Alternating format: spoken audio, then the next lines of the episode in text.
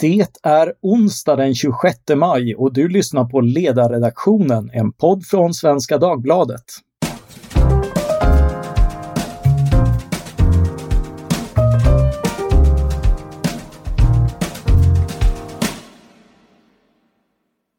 Jag heter Mattias Svensson och dagens ämne är det stigande skjutvapenvåldet i Sverige. Med mig för att diskutera detta ämne har jag Klara Radilova Selin, utredare på Brottsförebyggande rådet som skrivit rapporten Dödligt skjutvapenvåld i Sverige och andra europeiska länder. En jämförande studie av nivåer, trender och våldsmetoder. Välkommen! Tack! Med mig har jag också Johan Forsell, rättspolitisk talesperson för Moderaterna. Välkommen! Tack så mycket! Och ännu en Johan med efternamnet Hedin, rättspolitisk talesperson för Centerpartiet. Välkommen! Tack för det! Låt mig börja med dig, Klara. Det verkar utifrån din rapport som att Sverige faktiskt skiljer ut sig från övriga Europa när det kommer till dödligt våld. På vilket sätt? Ja, det, det stämmer mycket bra att Sverige skiljer ut sig. Ehm, det är egentligen ingen nyhet när det kommer till unga killar utsatta för dödligt våld med skjutvapen. Det har en äldre studier visat tidigare redan eh, att redan 2015 så var unga män i Sverige de mest utsatta för dödligt skjutvapenvåld i Sverige jämfört med övriga Västeuropa i alla fall. Och I den här studien har vi fördjupat oss ytterligare i frågan med flera länder och också studerat trender över tid. Och det ser vi ju en tydlig ökning i just dödsskjutningar i Sverige under flera år som vi inte kan se någon annanstans i Europa. Mm. Och det är just skjutvapen som är det är just skjutvapen, exakt. När det gäller knivrelaterade fall som vi också jämför med, där ser vi ingen trend över tid. Det är ganska stabilt, alltså det fluktuerar under åren men det finns ingen trend. Om vi tittar på en period från millennieskiftet och vidare ska jag säga också. Mm. Um, och idag så ser vi ju, och det kanske man ändå kan understryka, att idag är det lika vanligt med, med dödligt våld med skjutvapen som med kniv. Uh, så det är ju, de knivrelaterade fallen är också en ganska stor andel av totalen. Men det är skjutvapenvåldet som ökar. Hur, hur säkra är vi på den här slutsatsen? Ja, men relativt säkra. Det, det, det, är alltid svårt att jämföra eh, uppgifter av den här typen mellan olika länder. Vi, vi har valt också att utgå från dödsorsaksuppgifter för att de är ändå lite mer enhetligt registrerade jämfört med, med rättsstatistik eftersom den ändå utgår från rättssystemet som skiljer sig mellan olika länder. Så det är lite lättare för dödligt våld just för det finns det här alternativet. Eh, men det är fortfarande så att vissa länder har ju stora brister i dataregistreringen. Och det vi också skriver i rapporten är att det är alltid lättare att jämföra trender snarare än nivåer. Så att det här med hur rangordningen ser ut mellan länderna, det kan ju skifta väldigt mycket från år till år. Men trenderna är kanske lite lättare att, dra säkrare slutsatser om helt enkelt. Och den här ökningen vi ser i Sverige, det, det, det är ingen nyheter heller. Det har vi kartlagt, inte minst från Brås sida, under flera år har det pågått en ökning. Och även i de andra länderna så, så tror jag nog att vi kan med hyfsat stor säkerhet säga att, att en liknande utveckling som vi har i Sverige, att det, det ser vi inte riktigt. Mm. Och det är i ungefär 15 år har det funnits en ökande trend för just det här skjutvapenvåldet och, och det är det går att säga att det är gängrelaterat i stor utsträckning, eller hur är det med det? Ja, men det är det. Det är där den här ökningen har ägt rum. Från det att i början av perioden, alltså efter millennieskiftet, så ungefär tre av fem dödsskjutningar ägde rum i kriminell miljö och idag är det åtta av tio. Så det är ganska stor förskjutning i, också kvalitativt inom den här kategorin av skjutvapenvåld. Idag är det nästan synonymt med, med eh, dödsskjutningar och kriminell miljö helt enkelt, eller våld i kriminell miljö. Mm. Det är väldigt få fall som, som sker utanför den miljön helt enkelt. Det är några fall inom familjen men då är det ofta med andra typer av vapen, med lagligt ägda vapen som man har i hemmet, som jaktgevär och liknande. Medan inom kriminell miljö så är det oftare insmugglade illegala vapen som figurerar. Mm. Och, och det, ök, det övriga våldet ökar inte, eller hur? Nej, uh, nej inte sett till hela perioden. Från 2000 vidare så ser vi en minskning. Trenden är minskande för övrigt våld utan skjutvapen en viss uppgång någonstans efter 2012 tror jag eh, också där. Men, men totalt sett så, så ser vi minskningar. Framförallt i de fallen, jag, jag nämnde just knivrelaterade fall där vi inte ser någon trend alls överhuvudtaget. Uh, och för övrigt, den tredje kategorin vi, vi jämför med, det är det övriga fall helt enkelt. Och den är ganska heterogen, det är olika typer av händelser, allt från strypning, kvävning, trubbigt våld, slag och sparkar. Och så. Där ser vi en minskning till och med under den här perioden från ganska låga nivåer till ännu lägre. Och också mm. jämfört med resten av Europa så, så ligger vi ganska lågt där. Eh, om jag vänder mig till Johan och Johan, delar ni den här bilden och när blev ni uppmärksamma på problemet med skjutvapenvåld? Om jag börjar så kan jag väl säga att jag delar den här uppfattningen då eh, och vi har ju från Moderaternas sida pekat på den här risken faktiskt eh, under flera års tid, så att, säga, att Sverige är på väg åt fel håll. Eh, och, eh, och det är klart, det är ju inget roligt att Sverige befinner sig där vi befinner sig. Det är ju en, det är en skam för Sverige. Eh, och, och, det är väldigt märkligt också utifrån att Sverige på så många andra sätt är ett fantastiskt land att leva i med en, liksom, eh, ett utvecklat, modernt, civiliserat land, framstående näringsliv, eh, arbetsamma och strävsamma människor men just när det gäller eh, otryggheten då och, och skjutningarna så, så är situationen allvarlig. Och det har ju varit en del, det har kommit en hel del rapporter tidigare också. Om man tittar till exempel på när man mäter otryggheten så var det ju häromåret som ju visade att, att svenska folket faktiskt aldrig tidigare har känt sig så otrygga som idag. Så I den delen är jag, är jag, inte förvånad över den här utvecklingen utan det var nog snarare tyvärr ganska förväntad det här eh, resultatet. Mm. Om jag går till den andra Johan Hedin Mm. Jag kommer ihåg vi gjorde ett analysarbete 2014 där vi upptäckte väldigt oroande tendenser. Så att, eh, ja, jag kommer ihåg till Annis jultal då så, så lanserade vi lite satsningar på då tyckte vi om astronomiska, 2,1 miljarder för mig var. Vi skulle förstärka polisen, åklagarmyndigheten och eh, rikta pengar till NFC som vi identifierade till ett, en stor källa till förseningar i vapenanalyser, alltså Nationellt forensiskt centrum. Eh, sedan dess har, har vi jobbat med det här men problemen har inte blivit mindre utan snarare tvärtom ökat väldigt. Mm. Eh, man undrar ju förstås eh, varför och eh, när det gäller vanliga käpphästar som är tänkta att förklara varför den här sortens dödligt våld ökar. Jag tänker på hög invandring, utsatta förorter, socioekonomiska förändringar och klyftor, illegal droghandel, så borde vi ju se samma utveckling i fler länder, tänker jag. Var, varför ser vi inte samma ökning i exempelvis Frankrike med utsatta förorter eller Tyskland som också haft en hög asylinvandring? Eh, Klara, om jag börjar med dig. Mm. Ja, men det är en ytterst relevant fråga och det är ungefär precis så vi har närmat oss den. Hur ser det ut i andra länder? Vilka riskfaktorer eh, eh fångar forskningen kring? Liksom, vad, som, vad var det som vanligtvis har legat bakom sådana här snabba uppgångar i dödligt våld. För att det, det, har ju hänt tidigare. Nu ser vi inte samma utveckling någon annanstans i Europa, men det har ju hänt tidigare i USA till exempel, Latinamerika eh, och så vidare. Så det, det är ingen nyhet vad som brukar orsaka de här uppgångarna, men det som, det som beskrivs i forskningen det är ju oftast eh, just illegala drogmarknader som du varit inne på, det är kriminella gäng, det är lågt förtroende för polisen i, i vissa områden och etc. Och det, många av de här riskfaktorerna, precis som du säger, finns i flera andra länder i Europa utan att de har likadan utveckling som Sverige i dödsskjutningar.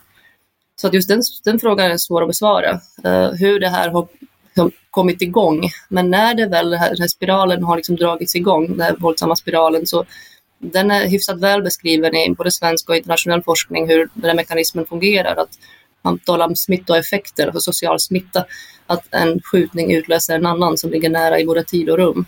Det blir mm. kedja av vedergällningar och man beväpnar sig för att skydda sig och det ena ger det andra helt enkelt och det eskalerar.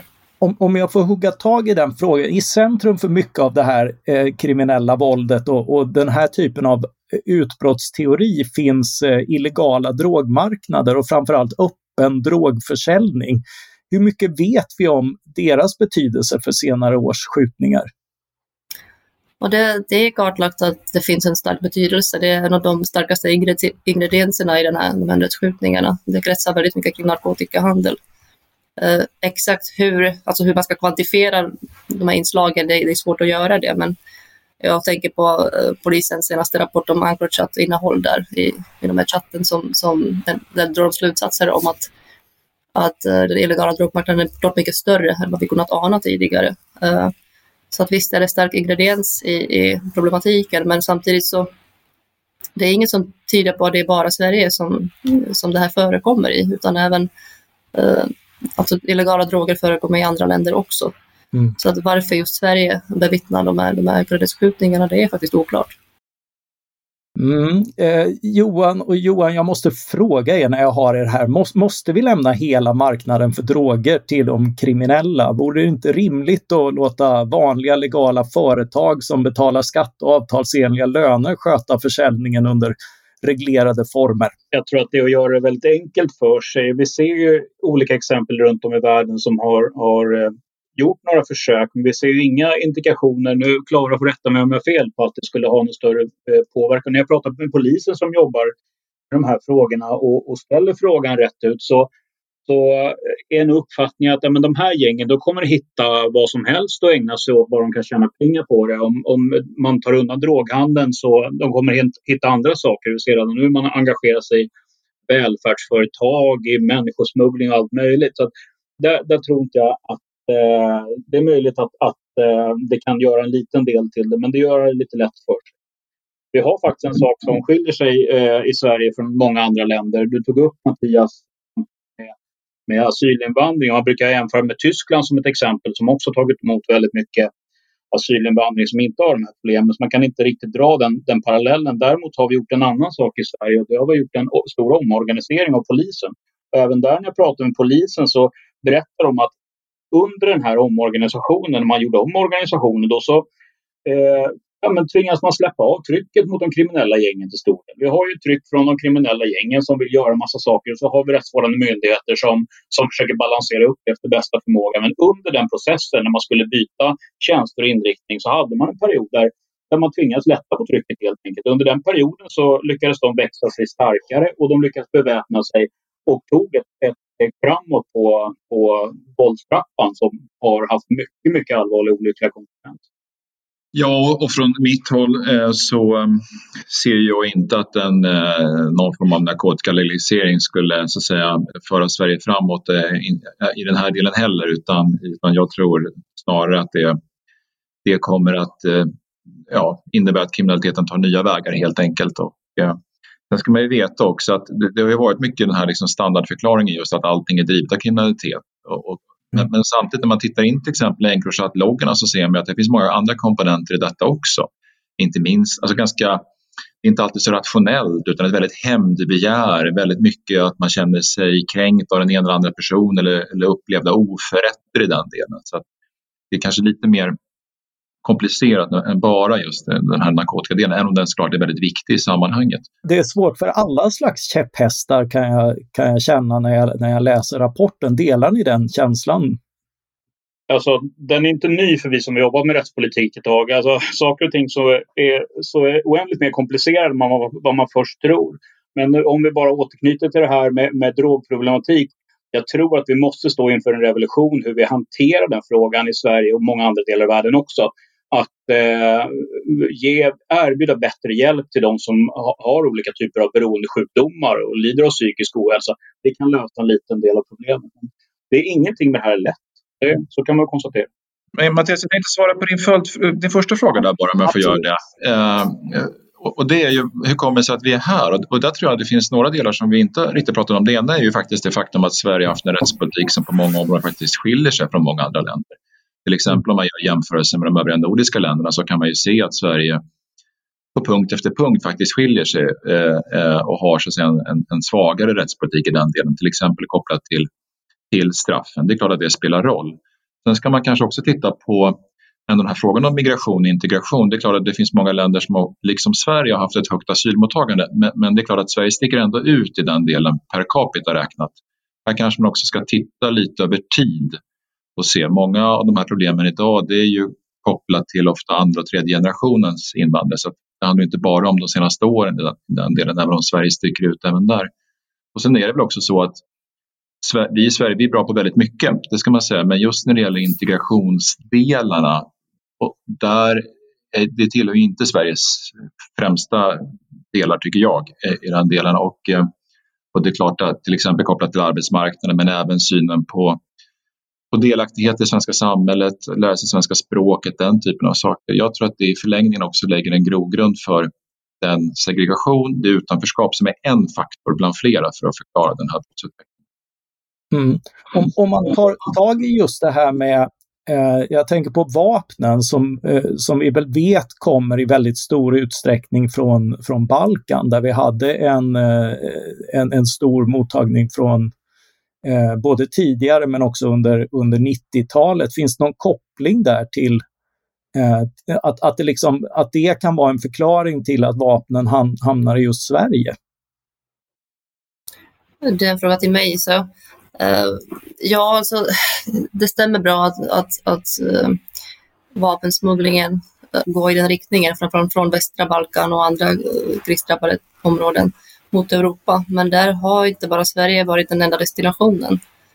Mm, utan det är flera länder, lite, lite olika, olika kartläggningar. Sen så kan det visst vara så att, att kopplingar mellan Sverige och Balkan är lite starkare tack vare tidigare invandring, men det, det, det är spekulativt. Det, det skulle behöva studeras för att kunna sägas något med större säkerhet att så, så är fallet. Så det, det är oklart. Jag tänker på, eh, du är inne på din rapport, eh, Klara, att Danmark tycks ha haft en liknande utveckling under några år fram till 2016. Nej, Nederl Nederländerna är vi inne ja. på. Ja, ja. ja, Nederländerna också, men ja, jag, jag fick ja. intrycket att även Danmark. Vet vi om de satt in några åtgärder som kan ha orsakat trendbrott? Jag tycker att vi framförallt ser likheter med just Nederländerna mellan 2008 och 2014 och det gäller dödsskjutningar i kriminell miljö. Alltså mm. det, där följs de här linjerna nästan helt och hållet åt mellan Sverige och Nederländerna. Och vi har kontaktat forskare i Nederländerna som faktiskt har gett oss den här typen av data för att kunna analysera det. Men de har, inte, de har ju inte gjort samma analys som vi har gjort och varit själva lite förvånade över de här likheterna. Och de menar på att de kan inte koppla den här utvecklingen till någon specifik åtgärd. För de har ju haft en ökning i dödligt skjutvapenvåld i kriminell miljö samtidigt som Sverige, men det bryts vid 2014 ungefär och, och minskar i Nederländerna men fortsätter uppåt i Sverige. Men de menar på att det, det, det går inte att koppla till någon specifik åtgärd eller något, något, något annat än en vanlig fluktuation som, som vi ser i flera andra länder mellan olika perioder snarare än, än något, något specifikt. De, de kunde inte svara på varför det har ökat samtidigt med Sverige och inte heller varför det sedan har minskat där. Mm. Ett, ett annat eh, sån här jämförelse är England och Wales som tycks ha stoppat eh, eh vapensmugglingen. Eh, vet du om det, eh, om, om det är mm. några åtgärder där som, som är mer specifika och som skulle kunna gå att, att kopiera? Där har vi också försökt ta kontakt med forskare för att få lite mer, mer kött på benen om man säger så. Eh, jag skulle inte vilja beskriva det som att man har stoppat smugglingen utan England har aldrig haft speciellt hög nivåer av skjutvapenvåld av tradition nästan. Och de forskare jag pratat med hänvisar till flera saker. Dels det finns inte speciellt starkt stöd i England för, för just skjutvapenägande till exempel. Sen, de har haft eh, skolmassaker där som de beskriver det 96, det är länge sedan nu, eh, Dunblade-incidenten där. Och sen dess så har det tydligen, det har ju satt sig så pass djupt att, att det finns väldigt låg acceptans i befolkningen mot vapen. För det första. Sen så är det så att det inte lika lätt att smuggla vapen till en ö som det är på mm. fastlandet. Och där menar de också kan bidra delvis.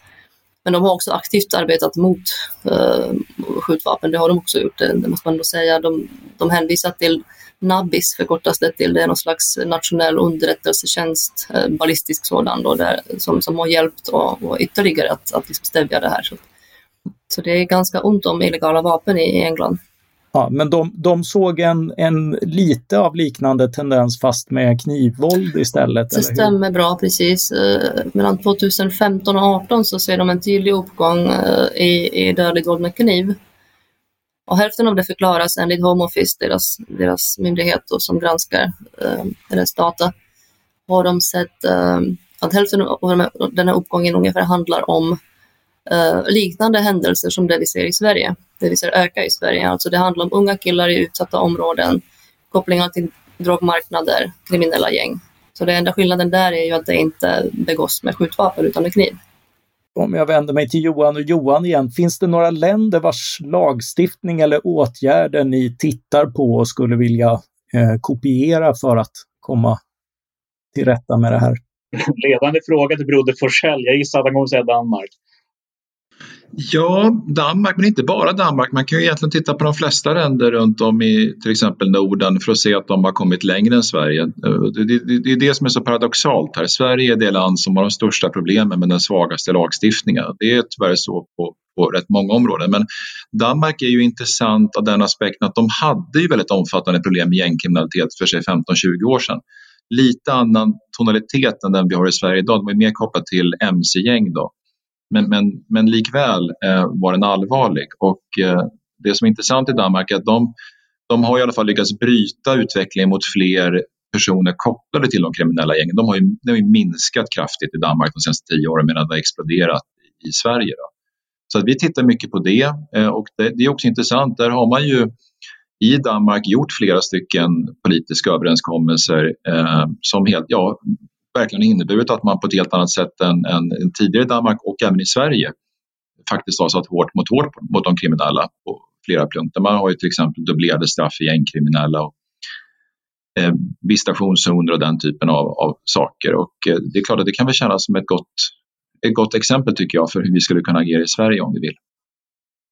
Mm, jag, jag tänker på just det här när, när man börjar tävla i, i, i åtgärder, då, då tenderar det att bara vara en riktning. Eh, det brukar, brukar liksom bli Sverige ligger efter i att förbjuda mobiltelefoner och sånt där eh, i, i trafik och liknande. Eh, men, men är det så att man ser att, att, att det är just eh, eh hårdare åtgärder som behövs eller är, det, eller är det andra typer av åtgärder och sätt att jobba som också finns att kopiera?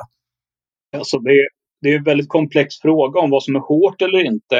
Eh, och jag vänder mig lite grann om beskrivningen om, om, om, Danmarks åtgärder. De har saker som är bra, men de har också saker som antagligen forskningen kommer visa om några år inte alls var bra. Visitationszoner har flera internationella exempel på, på ganska dåliga resultat. Däremot så ökar man misstron till rättssystemet och gör det ännu svårare för folk att vittna. Jag träffade de tre poliserna från New Jersey förra året som var över för att hjälpa polisen i eh, Region Stockholm med just skjutvapenvåld. Och en sak som de eh, nämnde som alldeles avgörande för att de hade lyckats bryta tillbaka en ganska dålig utveckling där. Det var framförallt det var handläggningstider för vapenanalyser hos deras forensiska experter. Och det är en så pass eh, osexig fråga så den kommer aldrig upp. Och du Mattias illustrerar lite grann det problemet när du, när du frågar efter specifika åtgärder det är nästan aldrig en, eh, någon specifik åtgärd, hur braskande den, den kan vara och hur mycket medier man kan få för den, utan det är en stor palett, många åtgärder som måste till. Och det är väl också i analogi med problemets natur, att det finns en massa orsaker som har lett fram till att det är där vi är idag. Socialt, ekonomiskt utanförskap naturligtvis, lågt förtroende för, för institutionerna och där kanske omorganisationer och poliser även som, som satte fart på en utveckling. Eh, poliserna, då amerikanerna från New Jersey, de berättar att de hade gjort en omprioritering och det där har jag tänkt mycket på. Innan det hade de fokuserat väldigt mycket på lagföring och få till eh, fällande domar för de som begick de här brotten. Och vi har väldigt starkt fokus på det nu och det av lätt insedda skäl. Vi vill ju sätta de här eh, farliga människorna bakom lås och bom. Men de kom till ett läge där de kände att äh, men vi måste börja prioritera reduktion. Att se till att vi får ner antalet skjutningar för att den här situationen höll på att bli eskalerande på ett sätt som inte gick att kontrollera. Och vi kanske är där. Eh, vi måste kanske fokusera mer på, på reduktion och det gör man med preventiva åtgärder. De kunde identifiera, identifiera gängmedlemmar som de trodde att eh, det kommer vara stor risk att den här personen kommer begå en skjutning efter en annan skjutning. Så de åkte hem till den personen och knackade på så den visste att de hade ögonen på sig. Det är kanske är något liknande som vi måste tillgripa i Sverige. Mm, jo, eh, jag tänker också på det att, det att det kanske inte alltid är eh, nya, nya åtgärder utan att låta polisen eh, sköta sitt jobb och, och, uppfylla sitt kärnuppdrag och kanske mer eh, se, se hur man kan underlåta det. Om, om jag får ställa en eh, forskningsfråga till Klara här, alltså finns det där man har sett sånt här blossa upp och sen minska, kan man, kan man se att det beror på någon specifik åtgärd eller, eller är det sånt som kommer och går utan, utan att det är direkt kopplat till eh, någon politisk motreaktion? Mm, det, det, är alltid svårt att, att utvärdera specifika åtgärder, kausalisk, mm. med kausal, kausal riktning, för man vet aldrig vad, om, med, med total säkerhet om verkligen viss utveckling hänger just på viss åtgärd. Men jag har sett en studie från USA just där man har haft liknande utveckling på 80-talet i storstäderna med, med ökade dödsskjutningar. Det är precis mm, samma typ av, av våld. Liksom. Det var också killar i utsatta områden och det var mycket droger och skjutvapen. Uh, sen vände det ganska snabbt nedåt, 93, någonstans där. Och uh, det som ni också är inne på alla, det, det, är inte bara en sak man gjorde där utan man satsade på flera olika nivåer, vilket man måste göra. Men en, en sak som, som eh, är lite intressant i sammanhanget det är med skjutvapen, liksom huruvida de kan ersättas med andra våldsmetoder eller huruvida de egentligen, om, om man lyckas komma åt dem, hur effektivt det kan vara för att få stopp på skjutningarna. Uh, och då menar den forskaren att, att där har man satsat ganska hårt från polisens håll att, att, att avlägsna vapen från de här gängen. Och det i sin tur, vi pratar om de här smittoeffekterna, hur det här våldet sprider, sprider sig. Då. Och han beskriver alltså nettoeffekter baklänges. Att, att eh, när färre och färre beväpnar sig, då blir det också mindre och mindre hot. Man saknar incitament att själv beväpna sig. Man riskerar större påföljd och, och då, då, blir det en slags ja, smittoeffekt fast åt andra hållet i en positiv riktning. Så det var en del förklaring faktiskt till att, att man har lyckats minska eh, våldet där, men också andra åtgärder som att få in unga på arbetsmarknaden nämns där i den här studien och också efterfrågan på, på droger har minskat där. Mm. Eh, avslutningsvis, eh, lite grann till den som vill plocka upp det, eftersom det här på ett sätt verkar vara ett unikt svenskt problem. Finns det unikt svenska lösningar och, och vilka skulle det kunna vara i så fall? Jag kan börja där, bara säga det här med att polisen ska få jobba ostört eh, och fokusera på sitt uppdrag. Det tycker jag är väldigt klokt. Men myntets andra sida är ju också att man måste vara lyhörd för de önskemål och de synpunkter som kommer från polis och åklagare. Och där är vi faktiskt i en situation nu där ju rikspolischefen väldigt nyligen eh, bad om att få ett antal nya verktyg och i väldigt skarpa ordalag faktiskt varnade för att den här nedgången som vi har sett i skjutningen nu glädjande nog de första månaderna kopplat till Encrochat och det som har skett i Frankrike att den utvecklingen kan brytas om man inte får de här verktygen. Så att om man menar allvar med det, då måste man också liksom visa en, en lyhördhet inför de önskemålen. Till exempel kring det här med preventiv avlyssning av aktiva gängmedlemmar som jag tror är, när man talar med just poliser och åklagare, understryker det här oerhört centralt. Sen är det ju så att varje land har väl sina specifika förutsättningar, men jag tycker ändå man ska titta på de länder runt om i Europa som har kommit längre än vad Sverige har gjort och som också har mindre problem. Alltså, det är en ohållbar liksom, situation att, att Sverige sticker ut fel håll på båda delarna, så att säga. både i problembilden och i den lagstiftning vi har. Och tro mig när jag säger att för mig handlar det här inte om liksom, någon tävling. Jag är inte intresserad av det, utan jag är bara intresserad av att se till att hantera det här problemet. Det är rent, faktiskt en rent förfärlig situation vi har. Jag tror många människor i Sverige undrar, känner inte igen känner inte igen samhället och där vi befinner oss idag. Men det finns väldigt mycket som har gjorts, inte bara i Danmark utan även i Norge och delvis i Finland. Man kan titta på Tyskland också som har en hel del saker som vi inte har i Sverige. Och lägger man ihop det nu så tror jag att det finns goda förutsättningar för att hantera de här problemen. Det är ju ingen naturlag att Sverige ska vara i Europatoppen vad gäller dödsskjutningar. Alltså det går ju att förändra, men det kommer inte gå om man gör som man alltid har gjort. Utan man måste nog vara beredd att vända på ett par stenar som man inte har vänt på tidigare. Tror i alla fall jag. Jag tror att det är viktigt att man väger varje åtgärd på guldvåg. Eh, vi ska veta att eh, varje åtgärd som vi planerar att införa kommer att ta en hel del beredningsresurser i anspråk från oss på, på lagstiftarsidan och framförallt kommer det ta resurser i anspråk från de rättsvårdande myndigheterna. Så det är oerhört viktigt att de åtgärder som vi inför, vi har en god känsla för att de blir verksamma. Alla sådana måste vägas på guldvåg för att vi ska lyckas. Om vi gör felaktiga satsningar kommer vi förlora flera år och, och i den här kampen mot, mot den här farliga Klara, jag vet att du inte vill diskutera eh, åtgärder, för det har du inte utrett eh, och, och vi lämnar kanske det till politikerna. Men om, om, om det finns någon fråga som skulle behöva ytterligare studier, finns det något särskilt eh, du skulle vilja titta på eller att någon tittade på?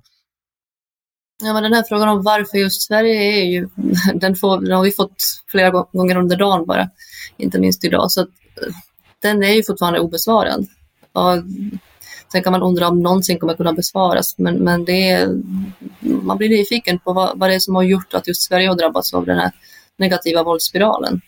När flera länder i Europa också har liknande riskfaktorer utan sådan utveckling. Den, den är intressant. Men sen, sen finns det mängder av olika delstudier man kan också för att förbättra uppklaring till exempel för att kunna, kunna eh, apropå åtgärder, där är det kartlagt att det är ungefär av lite mer än 8 av 10 dödsskjutningar i kriminell miljö som klaras upp. Ehm, så naturligtvis, det, även om det inte handlar om prevention i sig, så är det också en typ av prevention att, att uh, kriminella uh, avlägsnas från, från sin miljö. Då. Ehm, och där finns det mycket mer att göra. Vi har en studie som precis har påbörjats på, på BRÅ, där man ska kartlägga uh, framgångsfaktorer kring bättre uppklaring. Då. Så det är också en pusselbit och det, det finns säkert flera. För det, för det är en rätt avgränsad miljö ändå. Ja, men det är ju det. det och det, kanske, ja, det, det är bra att du, att du säger det. Jag har tänkt flera gånger nu under det här samtalet att det, jag skulle kanske vara lite försiktig och måla med de här breda penseldragen när det gäller förklaringar för att, för det är ju väldigt avgränsat fenomen. Det är väldigt allvarligt. Ökningen gör det ännu allvarligare. Det är också det att det sker på gatan, att tredje part kan drabbas. Det är väldigt ovanligt, men det, det har ju hänt som också väcker oro hos allmänheten och speciellt i de områden där det här händer för att vi ser ju också att sju av tio dödsskjutningar äger rum i storstadslänen och speciellt i utsatta områden. Så naturligtvis där, där skapar det stor otrygghet och man behöver göra någonting åt det. Men, men samtidigt så det rör sig om 30 till 40 fall om året. Uh, och det handlar om specifika personer, det är unga killar i specifika miljöer, utsatta områden, kriminella gäng med specifika medel med, med skjutvapen. Så att jag, jag tror inte det finns så jättemånga beröringspunkter mellan den typen av våld och brottslighet eller våld i stort i samhället, utan det är, det är ganska specifika avgränsade händelser. Då tackar jag er, Klara Radilova Selin, utredare på Brottsförebyggande rådet, Johan Forsell, rättspolitisk talesperson för Moderaterna och Johan Hedin, rättspolitisk talesperson för Centerpartiet. Tack för att ni ville vara med i detta avsnitt av Ledarredaktionen. Tack också till alla er som har lyssnat på ledarredaktionen. Vill ni skjuta in er på något vi sagt eller föreslå att vi börjar på ny kula med något annat intressant så mejlar ni till ledarsidan svd.se. Ledarsidan svd.se. Jag vill också passa på att tipsa om vår grannpodd Dagens Story som träffsäkert sammanfattar ett aktuellt ämne på 15 minuter. Producent för det här avsnittet var Jesper Sandström. Jag heter Mattias Svensson och jag hoppas att vi snart hörs igen. Tack för den här gången.